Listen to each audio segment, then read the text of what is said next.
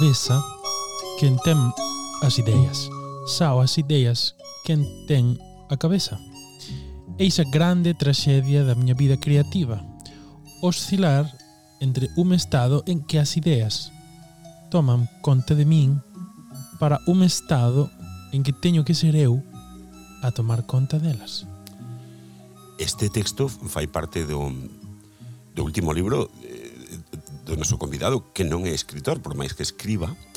E moi ben, por certo. E moi ben, por certo, e está na páxina, dicías, veus, cento... 70 algo, 170... Este libro, non? Seis. Ese é un sí. texto deste home que de algún xeito, en, desde que comezamos Vilar Auxo, estaba na nosa mente telo con nós, non?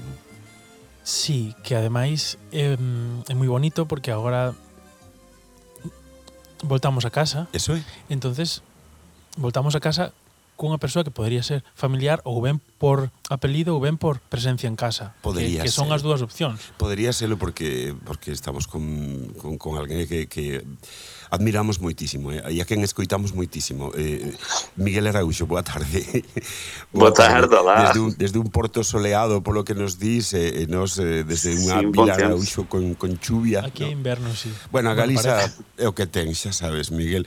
De, sí. é unha honra, de verdade, terte con nós. Sabemos o ocupadísimo que estás e, e que seguramente de non estar coa pandemia, pois hoxe poderías estar en cualquier lugar do mundo, pero teño entendido que xa comezas concertos esta mesma fin de semana, é así, non?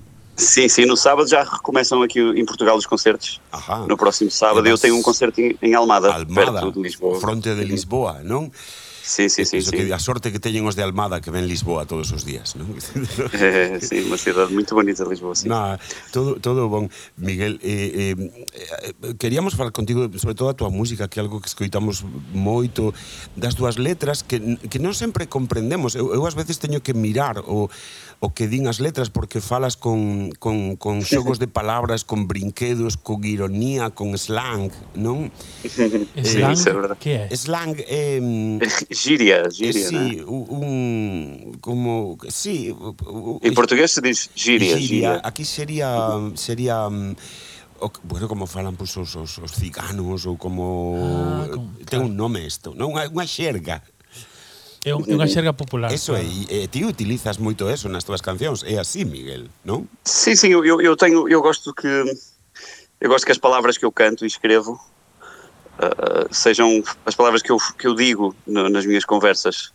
Porque há certas palavras que, que o, o português, a língua portuguesa tem essa característica. Se uma pessoa vai para falar em público, usa uma língua. Se vai para conversar com um amigo ou dois, usa outra. São duas línguas, por isso é que é muito difícil falar em público por um português, ou falar para a televisão, ou falar numa entrevista, ou falar numa sala de aula. Porque a língua corrente da, da conversa entre dois amigos é outra, é uma língua mais slang. O, E eu gosto, o portugués gosto de que as- que Camões as- e o de, e o de Miguel Araújo. sim, eu gosto que o meu seja, as palavras que eu canto sejam as mesmas palavras que eu, que eu uso nas minhas conversas, nas, nas minhas, no meu dia a dia, na minha, quando vou a uma loja, quando vou à mercearia comprar o pão, sei lá. Gosto que minha, as, minhas, as minhas letras das minhas músicas sejam nessa língua e não na língua mais coloquial Uhum. e mais pomposa dos discursos e dos jornais e dos livros. Isto que está soando é, é a peza que abre Peixe Azul, o teu último traballo, un traballo que ten meses apenas, non? Ainda que é unha Sí. canción que tiñas escrita de atrás eh, e que recuperaches para, para este disco de algún xeito, non? Sim, sim. Eu, eu, eu faço muito isso. Eu vou, eu vou sempre escrevendo canções e tenho sempre muitas, muitas, muitas. E depois, quando chega a altura de lançar um trabalho, um disco, ou, ou, ou de oferecer uma canção a alguém, ou escrever uma banda sonora, eu vou ver o que é que tenho para trás e, e, e contextualizo e encaixo as canções no, no conjunto que se apresenta nessa altura. Então, esta, esta música já é mais antiga, mas eu só agora aqui a editei. Isso acontece muitas vezes, muitas vezes mesmo. Ah, entón quedan como recordos. É como ir a ver un álbum de fotos e decir este me gusta e este... Sim, é verdade. E, e como fas Verdade. para compoñer tan seguido tendo tres criaturas, tres fillos?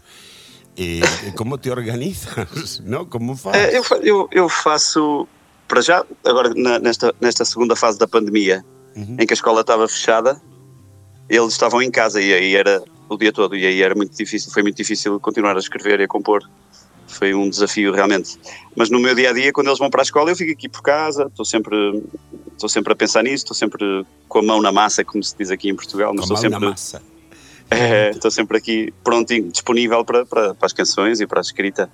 Então, tenho muitas horas, mesmo quando vou dar uma corrida ou dar um passeio, ou dar um passeio de bicicleta, estou no meu subconsciente, continuo a trabalhar nas canções. Então é uma coisa que eu faço continuadamente, não, não preciso de me sentar ao computador ou com papel e com uma caneta em frente, não preciso estar sentado, não preciso estar sequer em casa, é uma coisa que eu consigo fazer, é, é uma, é uma atividade que eu faço permanentemente e encaixo no, nas várias tarefas da, da vida. Não é? Uhum.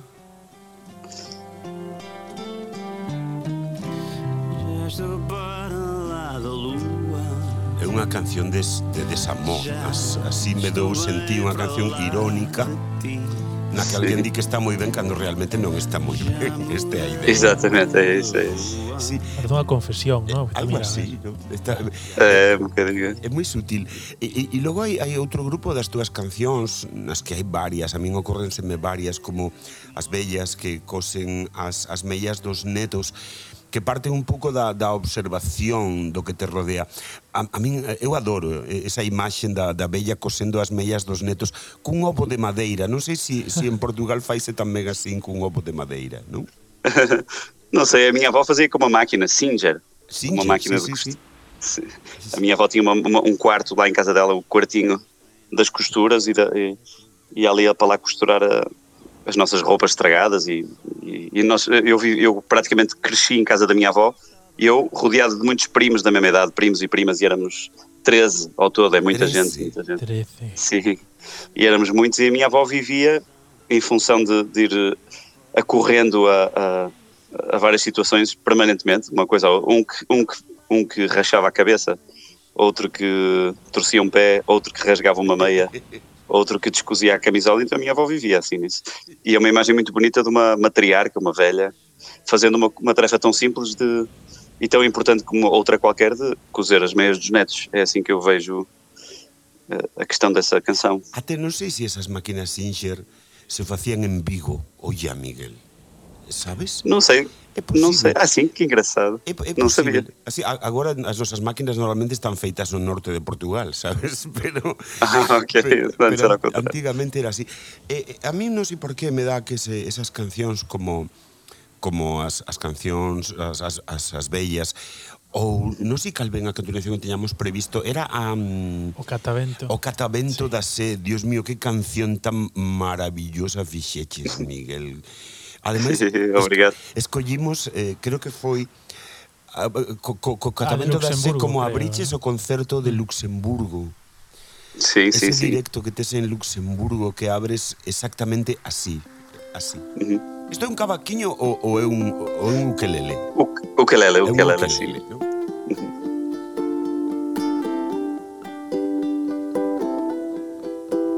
Quen opina que o ukelele tamén é unha pandemia, eh, Miguel? no, pero Hai un montón de xente comprando ukelele. Pero Miguel sabe tocar moi ben. O ukelele tamén, claro. Rosa foi pra cidade Maria foi ver o mar Joana passou da idade E eu vou vendo a minha rua a ver Unha rúa, unha rúa de algún lugar concreto de Portugal, eh, Miguel, ou non? Sim, neste caso sim, porque é quando eu fiz os concertos com o António Zambujo, o nosso amigo em comum António. Hum, depois falaremos disso, é? Sim, sim. Sim, nós, nós, nós eh, ele, eu sou do Porto, não é? Sim. E nós fizemos os concertos no Coliseu do Porto e depois fizemos os concertos no Coliseu de Lisboa. Mas o Zambujo não é de Lisboa, ele é de Beja, de Beja no Alentejo. Sim. Então ele achou, ele perguntou se eu achava bem acabarmos o ciclo de concertos na terra dele, na cidade dele. E, e, pronto, e nós, e foram três ou quatro concertos lá, quatro dias, e nós tínhamos muito tempo livre durante o dia. Beja é uma cidade pequena, ainda assim.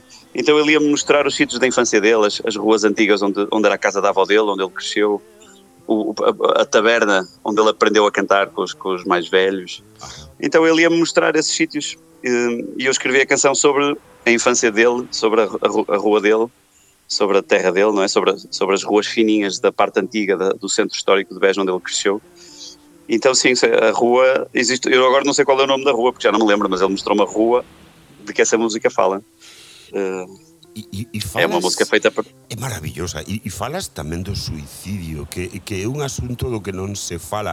Do, non sei en Portugal, pero en España Sí. é, un- é un asunto, é un tema Tabú, aquí, tabú, ¿no? sí, do que non se pode falar porque pode inducir, sabe o que quero dicer? Pois, pois, pois. Na Claro, em. Portugal também. Em Portugal também é assim. Não, se pode, não pode vir nas notícias, nem na, nos jornais, nem nada. Pero aí falase senón pode- claramente de alguén que, que voa, non? Que decide voar desde a ventana. Sim, sim, sim, sim, sim. Falo, falo. De uma maneira que não seja muito violenta, não é? Um dia quis ver o céu, benzeu-se com o chapéu e voou. Exacto, venceuse co chapeu e vou é, é maravillosa esta canción para min é mm, bueno, é, é, é difícil. Onte decidindo as cancións que queríamos poñer non nos poñíamos de acordo sabes Miguel? Porque son moitas que queríamos que estiveran. Si, sí, ao final a lista é longa e cando cando acabábamos sí. dicíamos pero nos queda esta, esta. e agora nos queda esta pero e como... ten que estar ¿no? y, y de repente 12, 13, 14 sí. claro, pero eh, digamos que isto entraría nunha especie de mm, ah, imos dar un paseo pola praia que nos facemos moito isto, Ese... non? Vamos. Por Ese son de mar era, era por eso. Estaremos sí. pola, pola praia. Sí. E, e eu, eu incluiría tamén aquí a Romaría das Festas de Santa Eufemia. Me encanta esta canción. Que é brutal, non? Porque porque sabes, sabes que pasa, Miguel, e ti, ti coñeces Galiza e sabes que hai tantas sí. cousas que nos unen, tamén as festas. Sim, sim, sim. Deve e, ser parecido com o Norte. Pois, é aquela afinidade que a gente tem aqui com o Norte de Portugal e, claro. e vocês, sim, é tudo igual. O que falas aí, eh, a importancia que ten a Romaría das Festas de Santa Eufemia para os habitantes da vila que sexa, non? Uhum. Eso sí, en Galiza sí. enténdese perfectísimamente, mm. non? Pois, pois, pois, claro. Porque é o mesmo. Eh, que non sabemos como, pero a festa ten, ten que continuar, seguimos facéndoa, non? Claro, claro, claro. E cada, cada pessoa da família tem a sua festa, não é? O pai tem uma, é. uma missão, digamos Sim. assim, a mãe tem outra missão, o filho tem outra missão. O pai, cada o um pai tem ten a sua festa. misión ma- máis alcohólica, digamos, non? Eh, sim, sim. A mãe mais religiosa e e tal. a filla máis de Mas sim. namorar, non? Sim, sim, sim, É exatamente. simplemente un, unha obra maestra esta canción. vida a saudar com vinho novo. Por mais duro serviço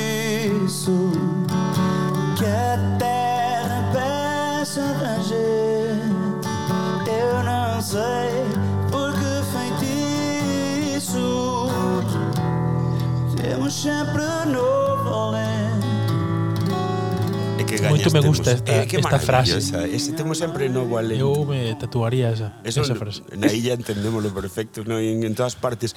E eh, eh, eh, as gañas que temos de facer xa estas festas de Miguel e de facer concertos e de facer todas estas é, cousas. É verdade, xa, xa é moito tempo sen nada disso, é moito tempo sen nada disso. É, dá, já dá moita saudade, é verdade.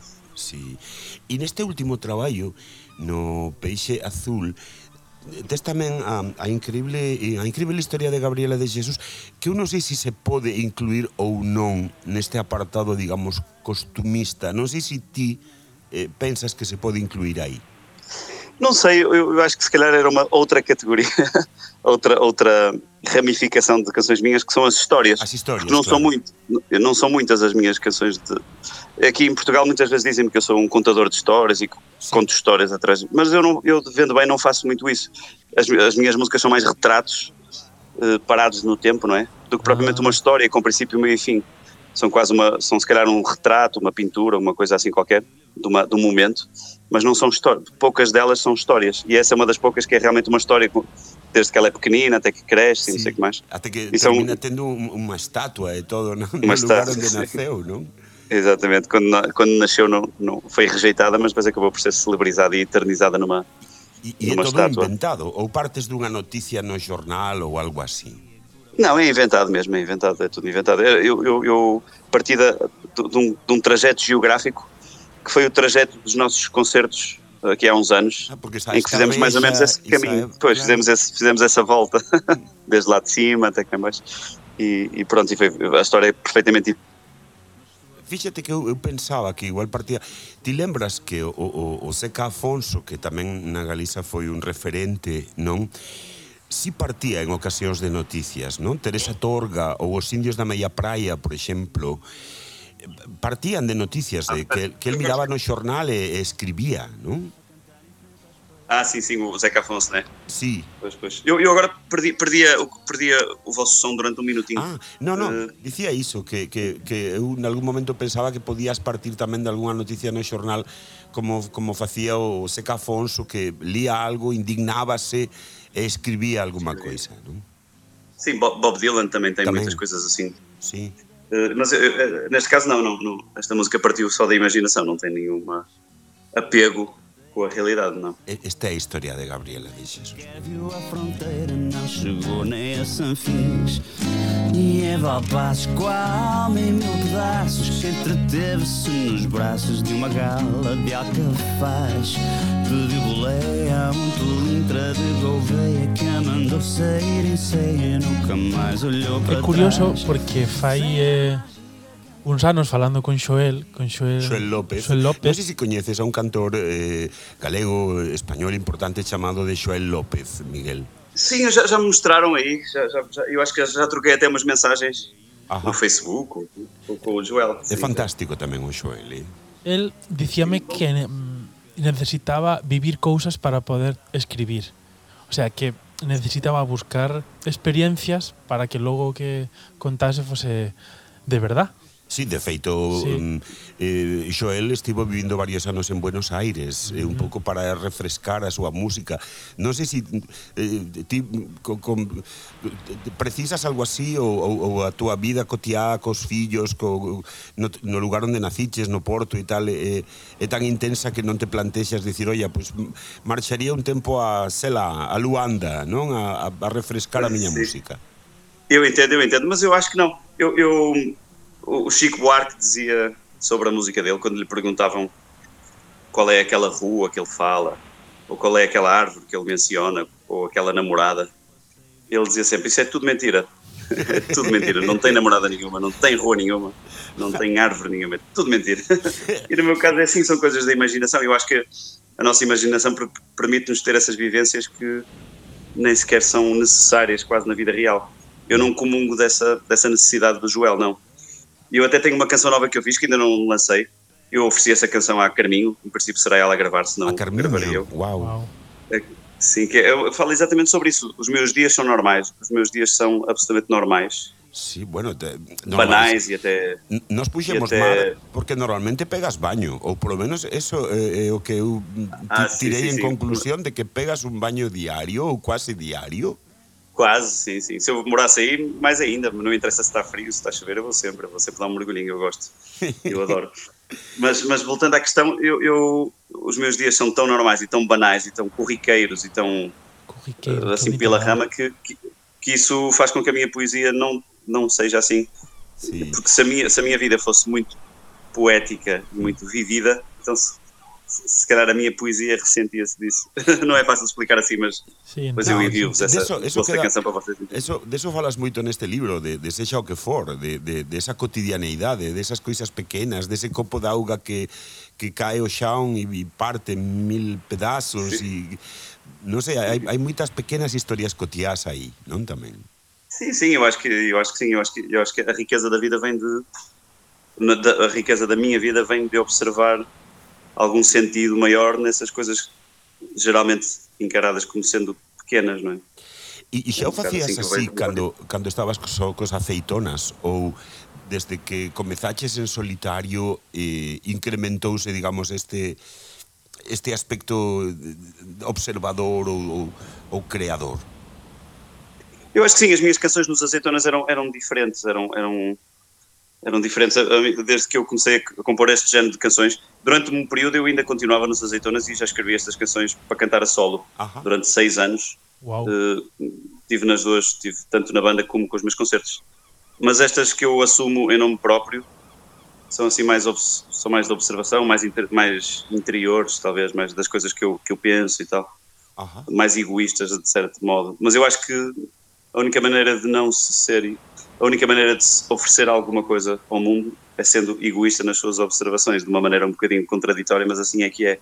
Porque assim é que alguém se vai conseguir identificar com aquilo que eu estou a falar, eu acho Sí. não vou não, não posso presumir falar pelos outros acho que só posso falar por- pelos outros se falar só por mim Ok. de certa maneira. Imos levarte ata unha lonxa de peixe eh, e, e, aí, Vamos. e aí falamos de, de algunhas colaboracións con outros artistas, algún que xa citaches como Zambullo.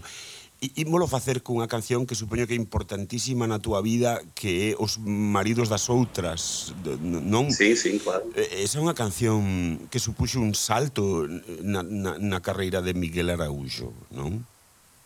Verdade, verdade É verdade Essa canção foi a, a primeira canção do meu primeiro disco Esa é a... E tornou-se assim um grande sucesso aqui na rádio em Portugal tocou muito, muito na rádio. Na, é que é extraordinária. É é, é, é maravillosa. Os maridos das outras. E continuamos en Vila Araújo con Miguel Araújo. Vamos.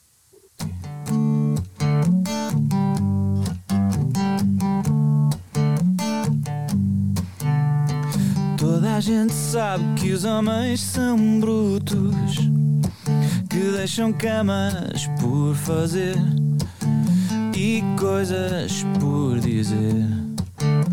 São muito pouco astutos, muito pouco astutos. Toda a gente sabe que os homens são brutos.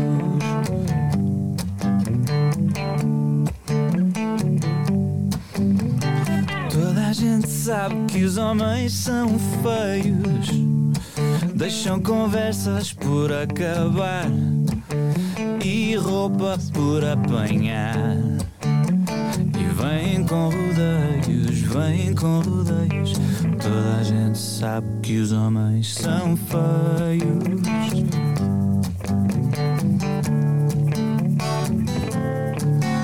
Mas os maridos das outras não. Porque os maridos das outras são o arquétipo da perfeição, o pináculo da criação.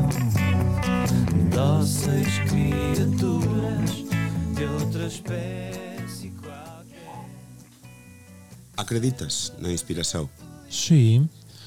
A música que faço foi inspirada, de alguna maneira, desde que nací, por toda a miña existencia. Da mesma forma que o ar que eu expiro foi inspirado anteriormente. O ar entra, dá as voltas que ten que dar cá dentro e, e despois volta a sair, transformado. Como as músicas, dáse idéntico proceso respiratorio. Pois eh, isto tamén estaba neste, neste libro Sexa o que for, non? E aí fala Miguel da súa inspiración.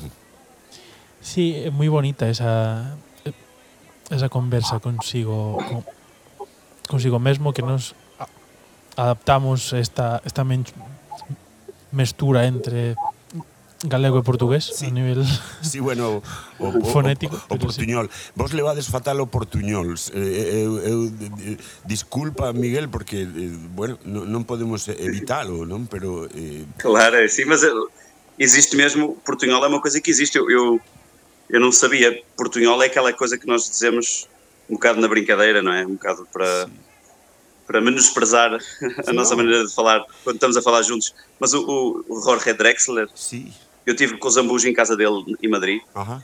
e ele mostrou-nos que na fronteira entre o Uruguai e o Brasil há ali uma zona chamada Riviera ou Rivera, Rivera, não sei, que é uma zona que já foi do Uruguai em certos momentos da história e já foi do Brasil em certos momentos da história. Andou para, entre cá lá, entre Brasil e Uruguai durante muitos, muitos períodos ao longo, de, ao longo de centenas de anos. Então a língua oficial lá, como como existem dialetos reconhecidos, como por exemplo em Portugal o, o mirandês e Sim, coisas sim, assim, sim. A, língua oficial lá, tanto que se, a tia do Jorge Drexel é professora dessa língua. E essa língua chama-se portunhol, é o portunhol.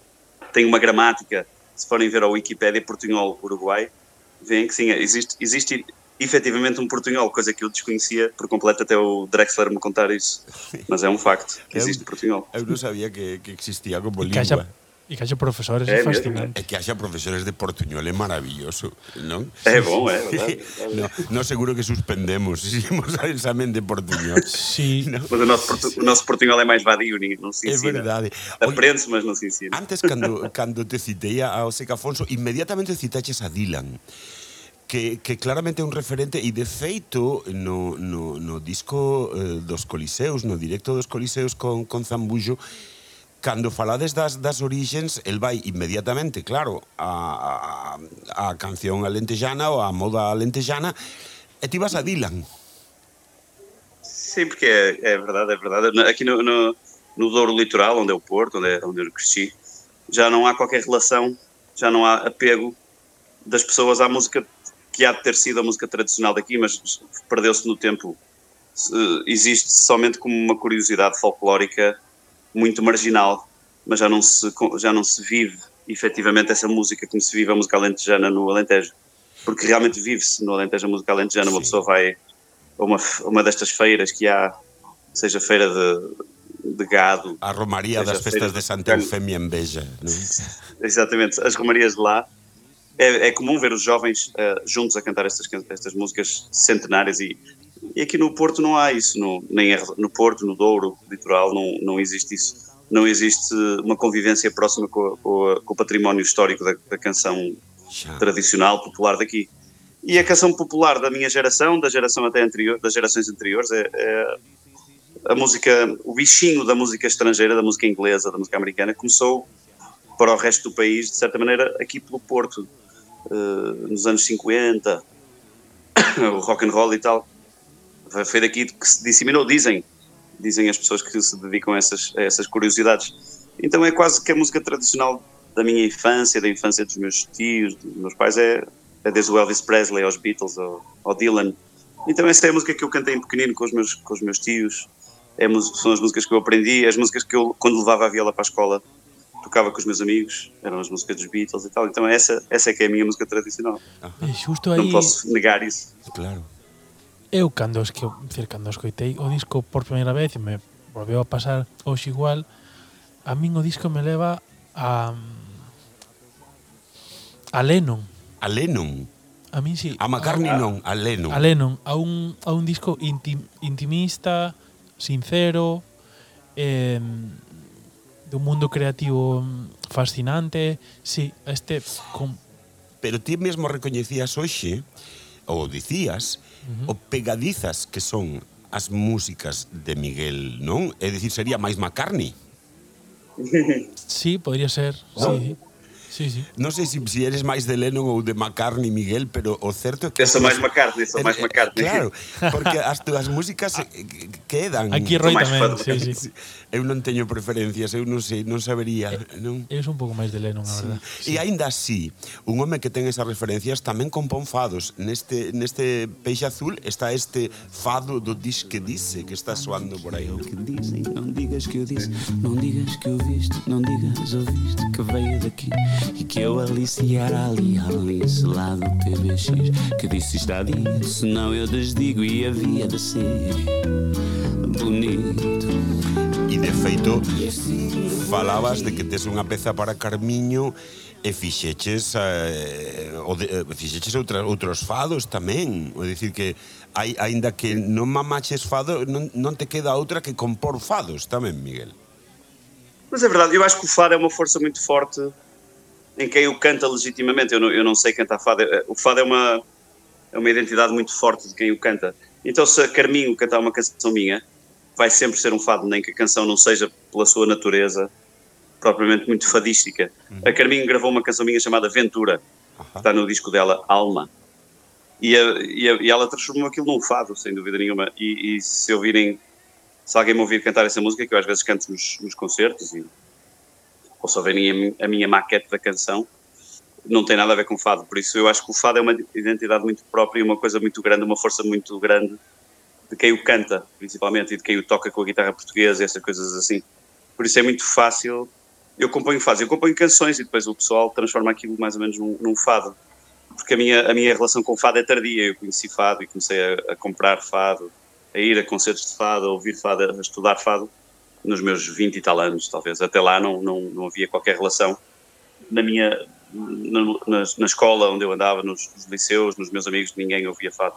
Era uma coisa estrangeira que a, a malta jovem do Porto. Uhum. A, a, música nacional, não é? A música portuguesa nacional era uma coisa absolutamente estrangeira aos meus amigos, a mim, às pessoas da minha geração, às pessoas da, da minha escola, às pessoas da minha rua. Era uma coisa muito longínqua. E eu, eu ganhei curiosidade pelo fado, uma, mas uma curiosidade por uma coisa exótica e estrangeira e, e, e distante de mim. E, e eu gosto muito de fado, mas muito tardiamente, não, não, me, não me chegou eh, em idade precoce de maneira nenhuma. E, chegou a tua vida un fadista e tamén transformou en certo modo a túa carreira porque eh, o, o que aconteceu co, con Zambullo e Araújo ou Araújo e Zambullo Durante, que rima e todo. Uh, sí, durante 20 no, 28 noites nos coliseus foi algo histórico. Nós tivemos a sorte de estar nun deses concertos no Porto. Sí, eu coincivos, coincivos lá nesse, nesse certo, dia. Certo, non? Dia. E, e foi fascinante todo o que ali aconteceu. E, bueno, supoño que esa é unha amizade que continúa, seguides gravando xuntos, non hai moito, gravabades eh, a- Día da Procesión. Ao Día da Procesión, exactamente. Temazo, por certo. Tema tremendo. pouco tempo, sim, sim. Sí, sí. E seguides colaborando Antonio e ti. Por que crees que funcionou tan ben esa dupla, Miguel? Eu acho que é uma coisa engraçada, uma coisa in- muito pouco comum. eh, duas pessoas que fizeram carreira na, na música, não é? Se- de maneiras completamente paralelas e distintas. Ele no fado e eu através da banda Os Azeitonas e mais tarde sozinho, mas de maneiras absolutamente distintas e paralelas, cada um da sua cidade. Serem amigos, por coincidência, por, por coincidentemente serem amigos antes dessas carreiras, não é? Não é muito comum sei lá, se o Sting e o Bruce Springsteen, comparando a brincar, mas fossem amigos desde a infância quase. Eh, são coisa, é, uma coisa, é uma curiosidade muito comum, mas nós somos amigos um do outro, desde os 19 anos, 18, talvez 20 no máximo. Um, e nem ele tinha nunca gravado nenhum disco, não, não tinha carreira na música, nem coisa que se pareça, nem de perto, nem de longe, nem eu, nem eu. Então isso é uma- nós somos amigos há muito, há muito tempo. Eu assisti ao crescimento dele, de perto, claro, mas Home, claro, eh, está soando. Reader Digest, que é boa, tamén culpable do, do tremendo suceso Sim, foi- do, do Antonio. Sim, foi a primeira música minha que ele gravou Claro. e também a primeira música minha que alguém que não eu gravou. Por isso a nossa. Mas a- nós já nos conhecemos há muito antes disso, muito antes, muito antes disso mesmo. Então isso é engraçado, nós, nós temos uma cumplicidade e uma amizade muito antiga, muito antiga e muito anterior à- à- à- ao sucesso na música, é? muito, muito anterior aos primeiros discos de cada um. E isso é engraçado, isso acho que é uma coisa que, que se nota, não é? É uma coisa que quando vamos para o palco Sim, as sim, pessoas sim. reconhecem, veem que não, veem que ali uma, uma, está- um à vontade que não, que, não, que não é entre dois colegas, mas sim entre dois amigos. Claro. E nós já gravámos agora uma música nova uma que, que, que- ainda não saiu, que, que é da banda sonora de uma, de uma série da televisão, da SIC, Así. que é, com o César Mourão, que é, que é- que é A Esperança. E eu fiz, a- eu fiz as canções da banda sonora e, e numa música canto juntamente com o Zambujo. Depois eu, eu envio para vocês ouvirem. pouco de Reader Digest. imaginar a Reader's Digest Hages de sonho que desde rebento acalenta em mim Ter mulher fiel, filhos fado, anel e lua de mel Em França, abranda tua dança descansado até ao fim ter fillos fado anel non, eso é maravilloso non? Eh, que ben descrita unha vida unha vida simples non pero hai moitos sí. máis probablemente se si nós eh, puxésemos o, o listado do noso carro no ano 2019 eu creo que a canción que máis soaría sería esta, exactamente esta. Esta.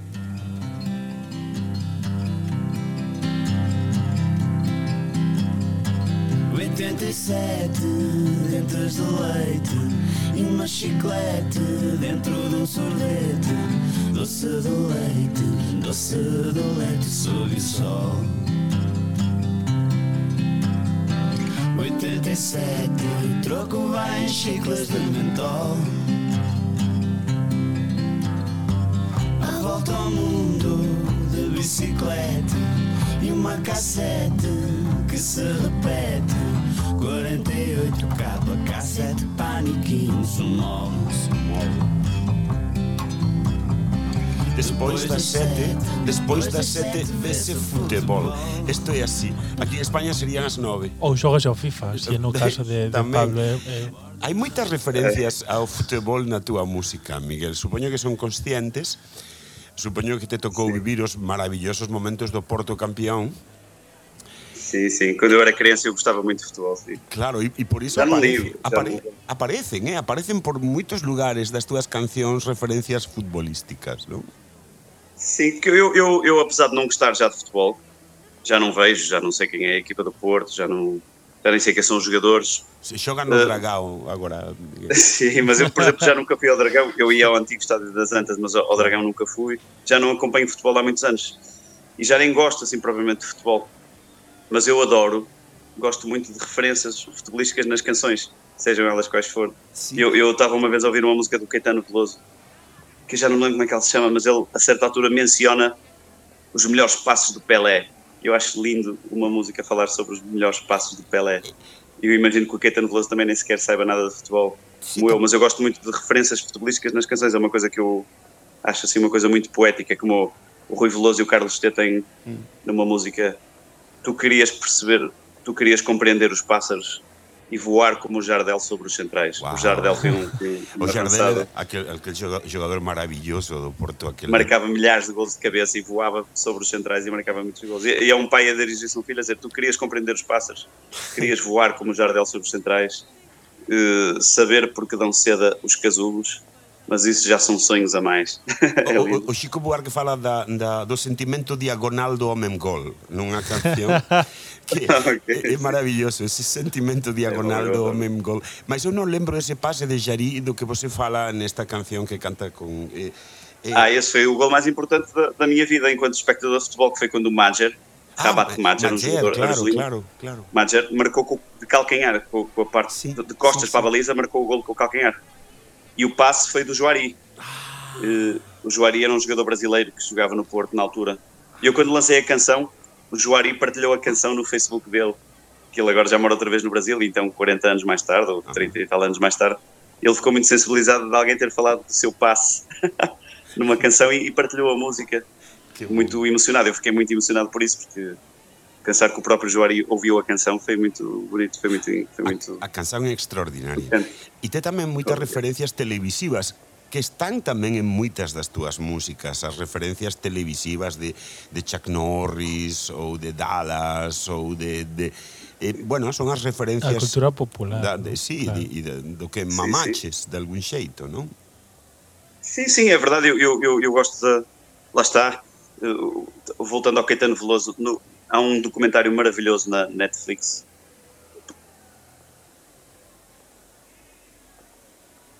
Ah, parece que perdimos a Miguel.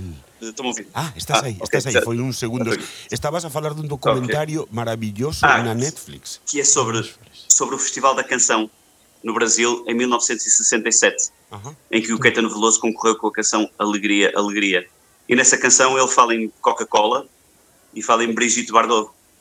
Então um jornalista pergunta-lhe, porquê é que você fala, o que é que faz você falar sobre a Coca-Cola e sobre Brigitte Bardot? Então ele responde, o que me faz falar sobre a Coca-Cola e a Brigitte Bardot é a Coca-Cola e a Brigitte Bardot. e eu acho que, eu acho que, as, eh, acho que a inspiração da cultura popular é, é suficiente para, para, para justificar a sua menção, Claro, não é? É uma claro. coisa muito é uma coisa com, com força suficiente para não se, nem sequer ter que explicar, então eu acho isso muito boa essa resposta. Sim. Por isso eu poderia, poderia, dar a mesma. O que faz eu falar sobre o Dallas e o Chuck Norris é Dallas, o Dallas e o Chuck, Chuck Norris. Norris. sí, non acabo de entender porque, é dicir, é unha, é unha pena que na, que na cultura galega, por exemplo, e, e, en, e en España non se fai tanto isto. Non hai o sea, tanta referencia así. No, non sei.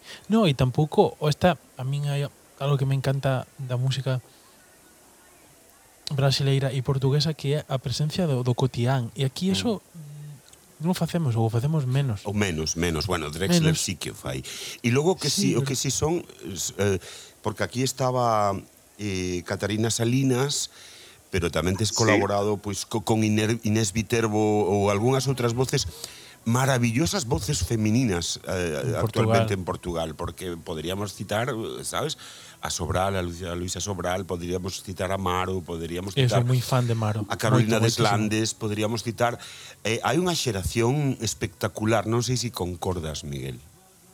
Concordo, sim, sim, sim. Eu acho que acho que a música portuguesa nunca teve tão, tanta diversidade e tanta representação de vários estilos e várias, várias sensibilidades e, e, e, e em tanta qualidade e em tanta quantidade. Eu acho que vivemos um tempo muito, muito rico nesse aspecto e, e, e, e, e muito colaborativo entre, entre os vários artistas. Sí.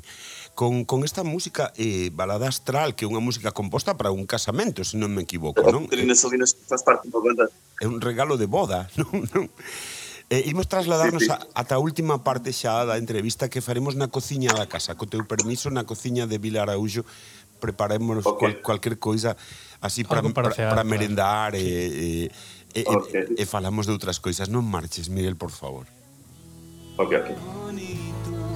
E na altura eu também O infinito Ainda se lembrava bem Do seu cósmico refém E eu que pensava Que ia só comprar pão E tu que pensavas Que ias só passear o cão.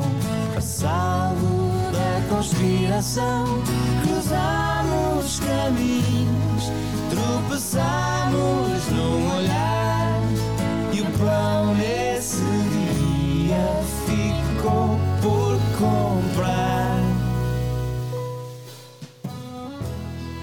A opiofobia é unha maleita mental pandémica, transversal a todos nós. Unha doenza infecciosa que se propaga un pouco pelo planeta. Todos sofremos desa condición. Os obiófobos temen e, consecuentemente, repudian, desprezan o opio. Opio, non? E as, e as redes sociais alimentan eso moitísimo. Si, te crees? Sí, creo que sí. Eu quiteime, quiteime das redes sociais. Houve un pirata turco, Miguel, que me fixo un favor enorme. Secuestroume a conta de Instagram e non, sa, non sabe aínda o favor que me fixo. Porque, bueno, non sei ti como levas iso, pero, bueno, dites moitísimos, moitísimos seguidores. Non sei se eso te influe, te, te, te, te condiciona, te, te agobia. Ser, Sim, eu, eu, eu, eu tenho, eu tenho uma relação muito distante. Quer dizer, eu, eu, eu participo e ponho lá coisas e tal, mas eu não, não, não me exponho muito nas redes sociais, não dou assim muitas opiniões, não mostro assim coisas como aos meus filhos ou eu, é uma é uma é uma é uma coisa muito superficial. É uma coisa eh, eu- a minha relação com, com, a- com as redes sociais é muito é muito superficial mesmo. Eu não eu não me comprometo muito com elas. Então pronto, é uma relação assim saudável. elas não me dão muito, eu também não lhes dou muito a elas. E pronto, e andamos assim, e andamos bem. eu creo que agora que, que estamos xa en casa, Si, na cociña. Eu creo que podíamos escoitar monstros Ei, monstruos. E entrar en que está neste peixe en, azul. E é un territorio de infancia, claro. de, no? E, monstruos. E máis agora que falaches dos fillos, é perfecto. É perfecto, tes razón. Sí, tes sí, razón. Sí. Esta é.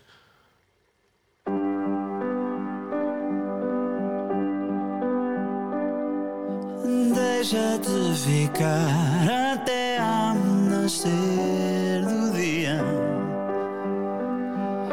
A noite não tem sido boa companhia.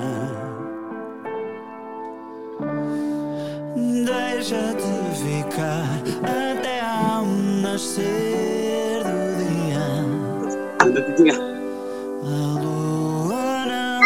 não Aí está. Eh, non sei, quen fala aí se cadra é quen a pequena é, parece. é quen inspirou monstruos, pregunto, Miguel. Sim. Sim. Eh, Eu vou, já estou só aqui a pegar na minha filhotinha. Ah, que ela chegou agora à casa. Claro. Temos Mas que não, mas não foi ela, não foi ela. non foi ela que Eu vou-vos dizer e vocês não vão acreditar, mas eh, vocês conhecem aquela série americana How I Met Your Mother? Sí. Eu non. Como conocía a, No. a Como vuestra madre? a vuestra madre, Sí. claro. Nos, xa sabes que Então, todo, Miguel. Ne- Nessa, série há um personagem que é o Barney. E o Barney é um, é um mulherengo. Está sempre, tem sempre mulheres diferentes e tal. E todas as noites tem uma mulher diferente na cama. E há um. E, e depois quando. eh, quando elas acordam, ele já não está lá e não sei o que mais. E há um dia em que ele se apaixona por uma das, das suas conquistas. Então eh, pede para, para ela ficar a passar a noite com ele. E, e ele é muito sincero e muito sentimental ao dizer isso. Ele quase que chora até quando lhe pede para, para ela ficar lá com ele.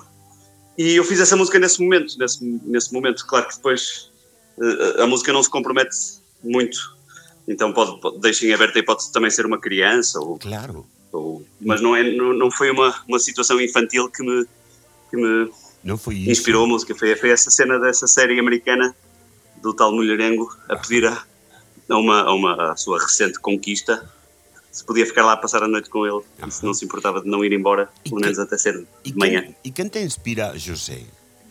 Eu, eu, eu gosto José- tanto desa historia de, de José, ese paseio polo jardín, polo capim, polo descoñecido, eses primeiros pasos da súa vida. É tan bonito, é, é tan é, é, é unha ternura, non? E, e está tan... essa, essa de facto, essa música, de essa canção, essa letra tem de facto uma, um episódio verdadeiro da minha vida que foi um menino que agora já tem 9 anos, ele é o António. Ele é filho de uns, de uns amigos, que é o Frederico. É filho do o Frederico, pai desse menino, muito meu amigo. Já compôs uma canção para o Zambujo também, que está no segundo disco de Zambujo, que se chama Noite Apressada. Só um pormenor, só uma coincidência. Mas então o filho, o António, quando estava a dar os primeiros passos, nós estávamos lá todos numa casa no Algarve, alugada. Ajá. E ele deu, estava a dar os primeiros passos e foi assim a vida dele, pelo jardim afora. E a mãe foi atrás dele, sei lá, sa- salvá-lo dos perigos, não é? Mas ah, durante um minuto, durante um segundo, a mãe não o viu. Onde é que está o António? E depois mandou um grito, ah, está ali, e foi pegar nele.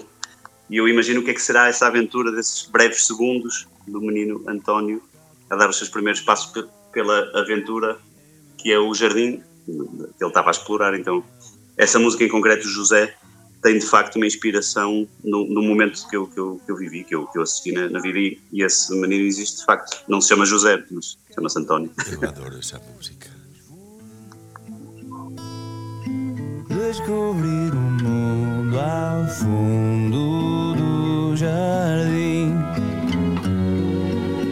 Desenhei um mapa, fiz do pano a capa, fiz planos utópicos. Ao sabor dos ventos e dos mantimentos em Coca-Cola e mentos fui aos confins do mundo, ao fundo. Adoro, adoro esa, esa discusión de, de Miguel coa súa pequena, non? Eh eh, eh, eh, disculpa, eh, Miguel, por este atraco, pero pero bueno, por, por outro lado ten ese ese sabe que cuando cuando foi el,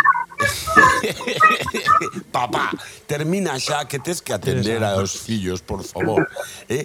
Sabe que, cando foi ele, eleito o anterior alcalde de, da Coruña, A primeira entrevista que el concedeu no radio apareceu a súa filla pola mañán dicindo papá e, e el e, chorando e foi un, un estoupido de, te, de, de, de ternura de, de entender que si era alcalde máis tiña aquela menina desatendida non?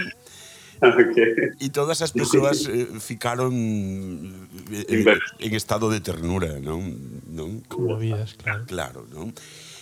imos casi rematar eh, non, non sei se si eres moi de cociñar de facer cousas na cociña de, de facer moito, sí. adoro, adoro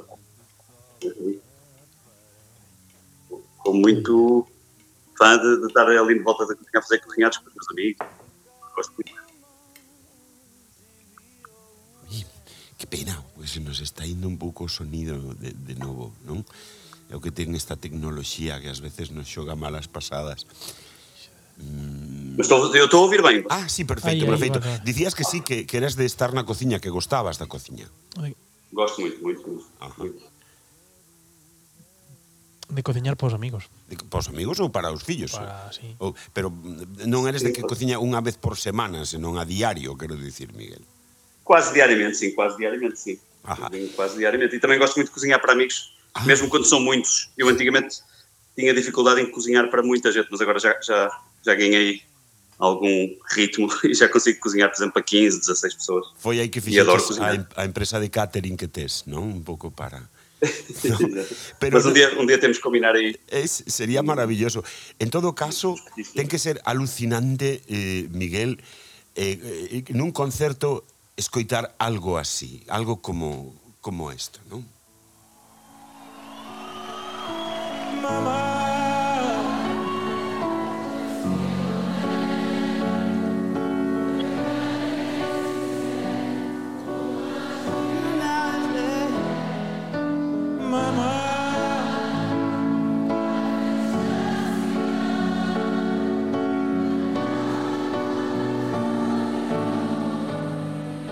Cantas poden ser 3.500 persoas cantando Queen? E sabían a letra, eh? E todos sabían a letra? Sim, isso foi um improviso. Um dia eu sentei-me no piano para cantar, para tocar o, o Andem Comigo Ver os Aviões e o Zambus cantava. Depois eu cantava a Lambreta, a música dele, a Lambreta, Sí. ambas em Lá maior. E eu comecei, sei lá, estava descontraído e comecei a tocar pão, pão, pão, pão, de brincadeira. E o Zambus olhou para mim e fez Mamá! E, ademais E que... atrás eu, eu só sabia os acordes até certo ponto, já não sabia mais.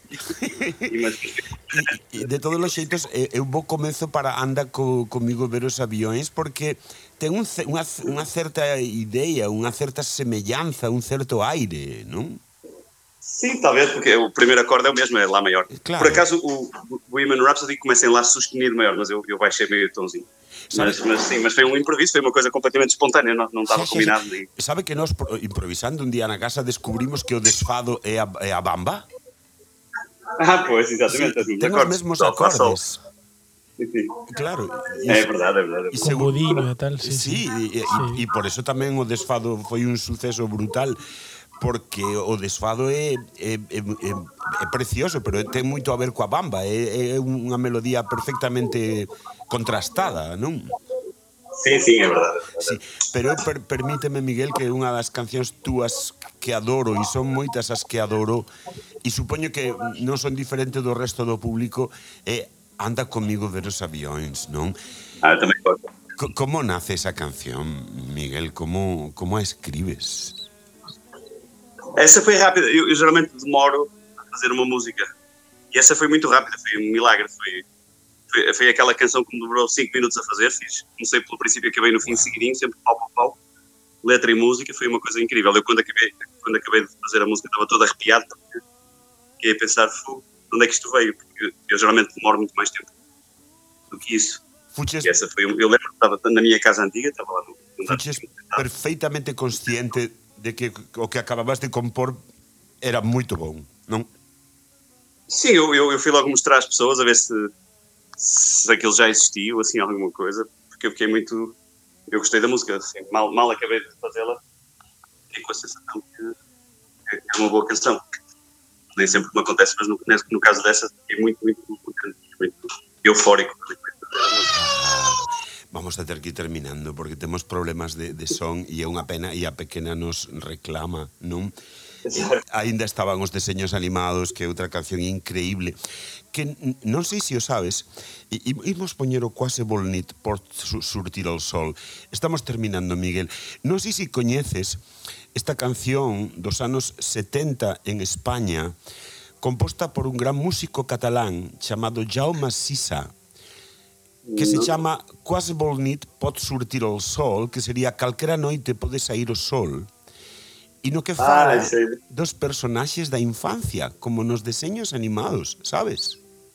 Que engraçado, não sabia, não conhecia. Não, não. Escoita, é, é esta, mira. De colors e de perfums Heus aqui a Blancaneus Blancanieves, o Pulgarcito Pulgarcito, Os três porqués os tres porquiños Snoopy, Snoopy. e o seu secretario sí. E para nós, claro, o escoitar o, o, a, o, o pois eh, a, a túa canción inevitablemente nos levaba tamén a, a Desisa porque era unha, unha idea semellante deixarte levar por esas imaxes da infancia, non? Sí, sí, sí, sí. No teu non caso... coñecía, vou vou procurar. No teu caso da RTP1, non? no, é, é maravillosa. Temos que despedirnos, Lois, porque Miguel non, non podemos entretelo máis. Sí, pechamos coa última canción sí. do disco. Pechamos coa Ainda estamos a, a, a, aquí. Que, que é un gran himno para os tempos de hoxe. É un himno mm. co que pechas o peixe azul e, e, e, e queremos agradecerte inmenso que, que te achegaras a te Vilar Araúxo que, que puideras comentar con Eu é que, Eu é que agradeço, gostei muito, muito, muito desta, desta conversa, muito mesmo. E Obrigado. temos que combinar aí uma, um jantarinho, uma coisa qualquer. Eso está feito, mas Maravilha. agora atenda urgentemente as súas obrigas paternais, por favor, Miguel, ok? Ainda um moito Grande forte. Abraço. Grande abraço. Gracias. Volveremos Obrigado, guapo. con, con Vila Araújo en Pindeiras Edicións. En próximos capítulos. en próximos capítulos porque aínda estamos aquí. Roy Rodríguez, que estivo no control meu pobre, con algún problema nas conexións e poñéndose tibio, Qué bonita esta canción. Lois Blanco e un servidor, Carlos Blanco. Vémonos pronto en Vilar Araújo. Grazas pola escoita. Os horizontes e as marés, as estátuas nas pontes, a América, a luz, os cafés, tudo passa, tudo passa. Os catavetos e as estações. Os amores perpétuos, desertos, as desilusões. Tudo passa, tudo passa. O tempo voa, o tempo coa. E por mais que não a passar nós ainda estamos aqui. Ainda